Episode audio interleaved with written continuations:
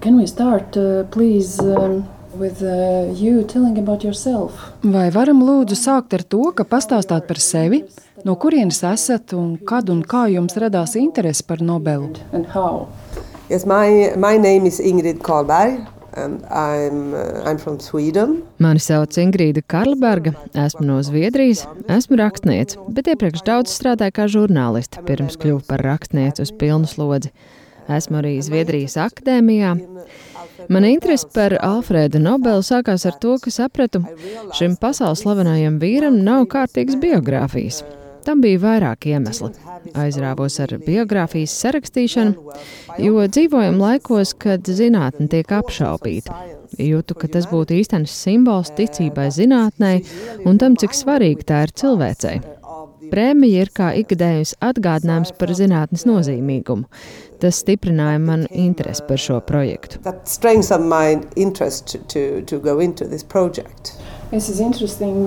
Interesanti, ka sakāt, nebija kārtīgas Nobela biogrāfijas. Lasot, sapratu, ka par viņu ir ļoti daudz liecību, dokumentu un materiālu. Kā tā var būt? Uh, yeah. It's not that we don't have any books about Alfred Nobel.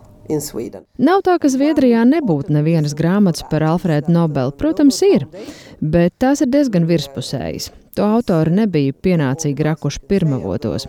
Viens no iemesliem - Nobela fonds, kas organizē prēmijas piešķiršanu, jau no 20. gadsimta paša sākuma centās veidot Nobela kā varoņa tēlu. Uz Nobela mantojuma nedrīkstēja būt neviena traipa. Tāpēc fondam bija svarīgi, lai Zviedrijā tiktu sarakstīta pirmā Nobela biogrāfija. Tā parādījās 1906. gadā, taču tā bija cenzēta un vēstīja tikai par labo. Pat pieminētas nebija Nobela 18 gadus ilgās attiecības ar dāmu, kas bija par viņu 18 gadus jaunāka, jo viņi nebija precējušies. Fonds neļāva piekļūt arhīviem līdz pat 70. gadiem. Tā nu visas grāmatas, kas iznāca pēc pirmās Nobela fonda veidotās oficiālās biogrāfijas, bija savā ziņā no tās atkarīgas. Pirms fonds nolēma visus materiālus par Nobelu nodot Zviedrijas Nacionālajiem arhīvam, neatkarīgam rakstniekam nebija iespēja iedziļināties viņa personībā. Pirms dokumentu digitalizācijas šis uzdevums arī bija pārāk apjomīgs. Proti, viņš dzīvoja dažādās valstīs, bija jādodas uz Krievijas, Francijas un Vācijas, ne tikai Zviedrijas arhīviem. Kā man tas izdevās? Tā bija atvērtība un caurspīdīgums Zviedrijas arhīvos, apvienojumā ar dokumentu digitalizāciju, kas man ļāva meklēt visu šo valstu arhīvos.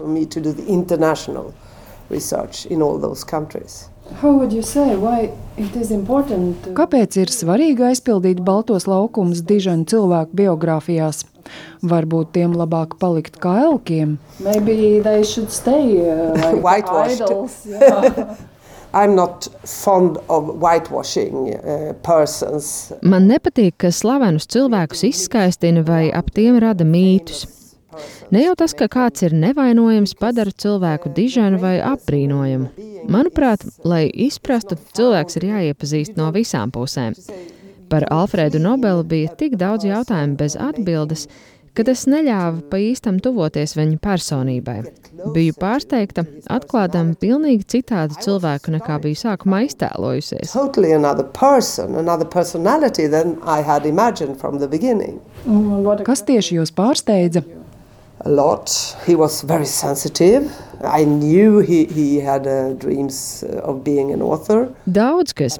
Viņš bija ļoti jutīgs. Zināju, ka viņš sapņojas kļūt par rakstnieku, bet nezināju, ka viņš rakstīja tik romantisku dzēju.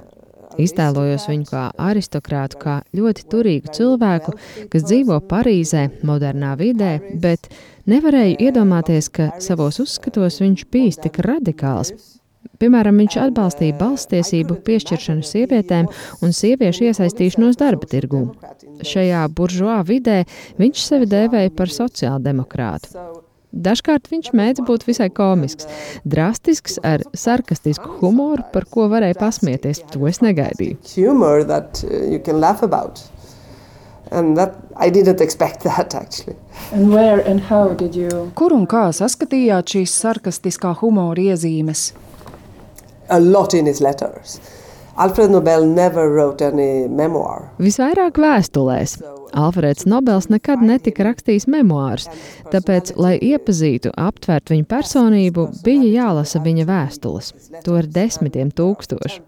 Daudzas no tām ir saraksti par darījumiem, kurās personība tā neatklājas, bet ir arī personīgākas vēstules ģimenes locekļiem, draugiem un arī šai sievietei, piemēram. And uh, this woman, for example. And how much time did it Cik daudz laika jums vajadzēja, lai uzrakstītu šo darbu? work?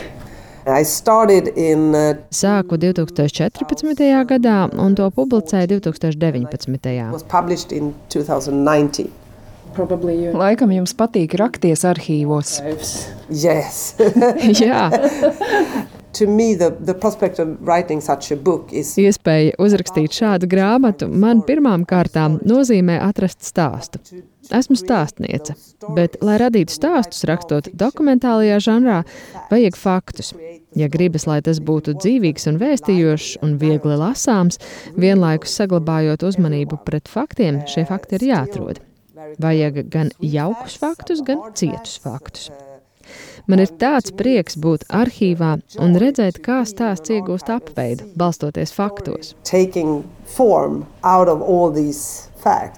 Latvia, Latvijā biogrāfijas ir ļoti populāras, taču pašlaik sevišķi iecienīti ir biogrāfiskie romāni, kuros ir fakti, bet tos papildina autora iztēle. Jūsu grāmatā ir tikai fakti. Vai negribējāt tos papildināt, piemēram, ar iztēlotiem dialogiem vai kādām sadzīviskām mizanscēnām? imaginative, of course. That's a big no-no. Tas ir liels nē. Why? Kāpēc? Uh, because I mean, uh, I'm writing about reality. I'm writing uh, history. Jo es rakstu par realitāti, es rakstu vēsturi, tādu kāda tā bija. Protams, tas ir personisks stāsts. Es ielieku sevi šajā vēstījumā. Tas ir stāstījums, ko es esmu sarakstījusi. Rakstot, izmantoju mākslinieciskus paņēmienus, bet visiem atsevišķajiem gabaliņiem, visiem faktiem jābūt patiesiem. Man jāspēj pierādīt, ka tā patiešām bija. Es būtu varējusi iztēloties, kādas bija mēbeles viņa mājās Malakova avēnijā Parīzē. Tomēr nē un nē, nekas nav jāizgudro. Ja sāk kaut ko izdomāt, kur tad ir patiesība? Uz ko var paļauties? Lai izdomājumi paliek daļa literatūrē. Leave the fiction to the fiction. But uh, Varētu būt grūti par kādu kaut ko noskaidrot, ja nav tik milzīga materiāla daudzuma kā par Alfrēdu Nobelu. Iespējams, jūsu gadījumā izaicinājums bija to visu apkopot vienā darbā. how to Sort put all this in one work. The challenge for me was to re- to discover and and reveal Man bija izaicinājums atrast dokumentus, kas vēl nebija atrasti. Piemēram, man ļoti gribējās uzzināt kaut ko par Francijas drošības policiju. Viņi izsekoja Alfrēdu Nobelu, draudēja ar ieslodzījumu un piespieda aizbraukt no Francijas, jo turēja aizdomās par spiegošanu. Visu šo gadu gaitā neviens nebija atradzis šos Francijas policijas aktus. Nevarētu gan teikt, ka ļoti daudzi būtu centušies tos iegūt, bet man tas izdevās. Tas ir garš stāsts, kāpēc šie dokumenti tik ilgi tika slēpti, taču es beidzot ieguvu Francijas drošības policijas aktus, šos 19. gadsimta nodzeltējušos ar aģentu roku aprakstītos papīrus, kas vēstīja par viņu ikdienas darbu. Viņi tiešām bija viņu izsakojuši, lai atklātu viņa netīros darījumus. Tas bija kā ceļojums 150 gadus senā pagātnē. Tiešām jutos it kā atrastos tur. Un pirms tam par to nekas nebija zināms. Just f- you felt that you were really present therein, and it wasn't known. So it means you worked not only with uh, Tātad strādājāt ar dokumentiem ne tikai zviedru valodā, bet arī daudzās citās - franču, krievu. French, Russian. Yeah, for Russian I had a translator. My Russian is Jā, krievu valodai man bija tulks. Manas krievu valodas zināšanas nav tik labas, lai pētītu senus dokumentus. Ziniet, es atradu Nobelu ģimenes oriģinālās pasas no 19. gadsimta 30. gadu beigām, kad Immanuels Nobels, Alfrēda Nobela tēvs, pameta Zviedriju. Pētniekam, kuru biju nolīgusi, sadarbībā ar mani drošības policijas vēsturiskajos arhīvos Maskavā izdevās atrast šīs pasas. Tas bija ļoti saviņojoši. Un tās nemaz nebija sabojātas. Not uh, destroyed at all. I would like to go back to this. Es gribētu atgriezties pie jautājuma par elku gāšanu no piedestāla. Sabiedrībā to nevienmēr atbalsta. Man šķiet, cilvēki grib, lai elki tur paliek, lai ir uz ko paskatīties, lai ir ko apbrīnot. Kāda bija reakcija? What was the reaction? No, but the, the result was actually that uh, I didn't find that many. Iznākums bija tāds, ka es nemaz neatradu tik daudz traipu Alfrēda Nobela biogrāfijā. Jā, viņš bieži lamājās, ienīda baznīcu, jokoja par sievietēm. Viņa vēstulēs saskaitīju šķiet ap 20 antisemītisku komentāru. Es teiktu, ka daudziem citiem tolaik pasaulē tādu bija krietni vairāk. Pat viņa brāļi bija stipri antisemītiskāki. Bet tādā ziņā viņš bija sava laikmeta cilvēks. Šādā veidā var iegūt daudz detalizētāku priekšstatu par personību, un iepazīt un saprast. Viņš it kā atradās manā priekšā kā īsts cilvēks, ļoti interesants un fascinējošs cilvēks, kautrīgs cilvēks. Uzzināju, ka viņa pašpārliecinātībai bijuši kāpumi un kritumi. Reizēm Nobels bija pret sevi ļoti kritisks, pašnosodošs, citkārt pašslavinošs. Viņš bija ļoti jūtīgs un radošs. Mēs, Zviedri, katru gadu Nobela prēmijas pasniegšanas ceremonijā redzam viņa krustēlu, kas viņu attēlo kā ļoti stūrgalvīgu un garlaicīgu, skarbu cilvēku. Man viņš it kā atdzīvojās. Nē, Nobela fondu nešokēja atklājumi par Nobela personību, nekādas reakcijas nebija. Par viņa sakaru 18 gadu garumā ar 18 gadus jaunāko sievieti jau tolaik bija zināms, kaut gan tas gadu desmitiem tika slēpts. To mēģināja turēt noslēpumā. Tas bija muļķīgi, jo Nobelam šāda cenzūra neko nedeva, jo cilvēki Nobelu nepazina, nezināja, kāds viņš bija. Because people didn't know him, didn't understand who he was. For you personally, Kā jūs nodēvētu savas attiecības ar Nobelu? relationship with Nobel today? I, have, I think he's, uh, to me, he's, uh, he has become some kind of a friend. Varētu teikt, ka viņš man ir kļuvis par tādu kā draugu. Es labprāt aizietu ar viņu vakariņās, lai izjustu viņa asociativitāti.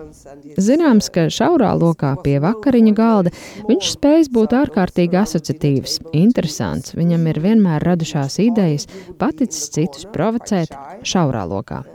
Turpretī, piemēram, vērienīgās pieņemšanās vai ballēs, viņš kautrīgi stāvētu maliņā. Lielos cilvēku pūļos viņš nav centies būt apburošs. Vienmēr esmu apbrīnojusi cilvēkus, kuri nav melnbalti, bet kuriem ir daudz dažādu personības iezīmju. Different kinds of personalities, very fascinating.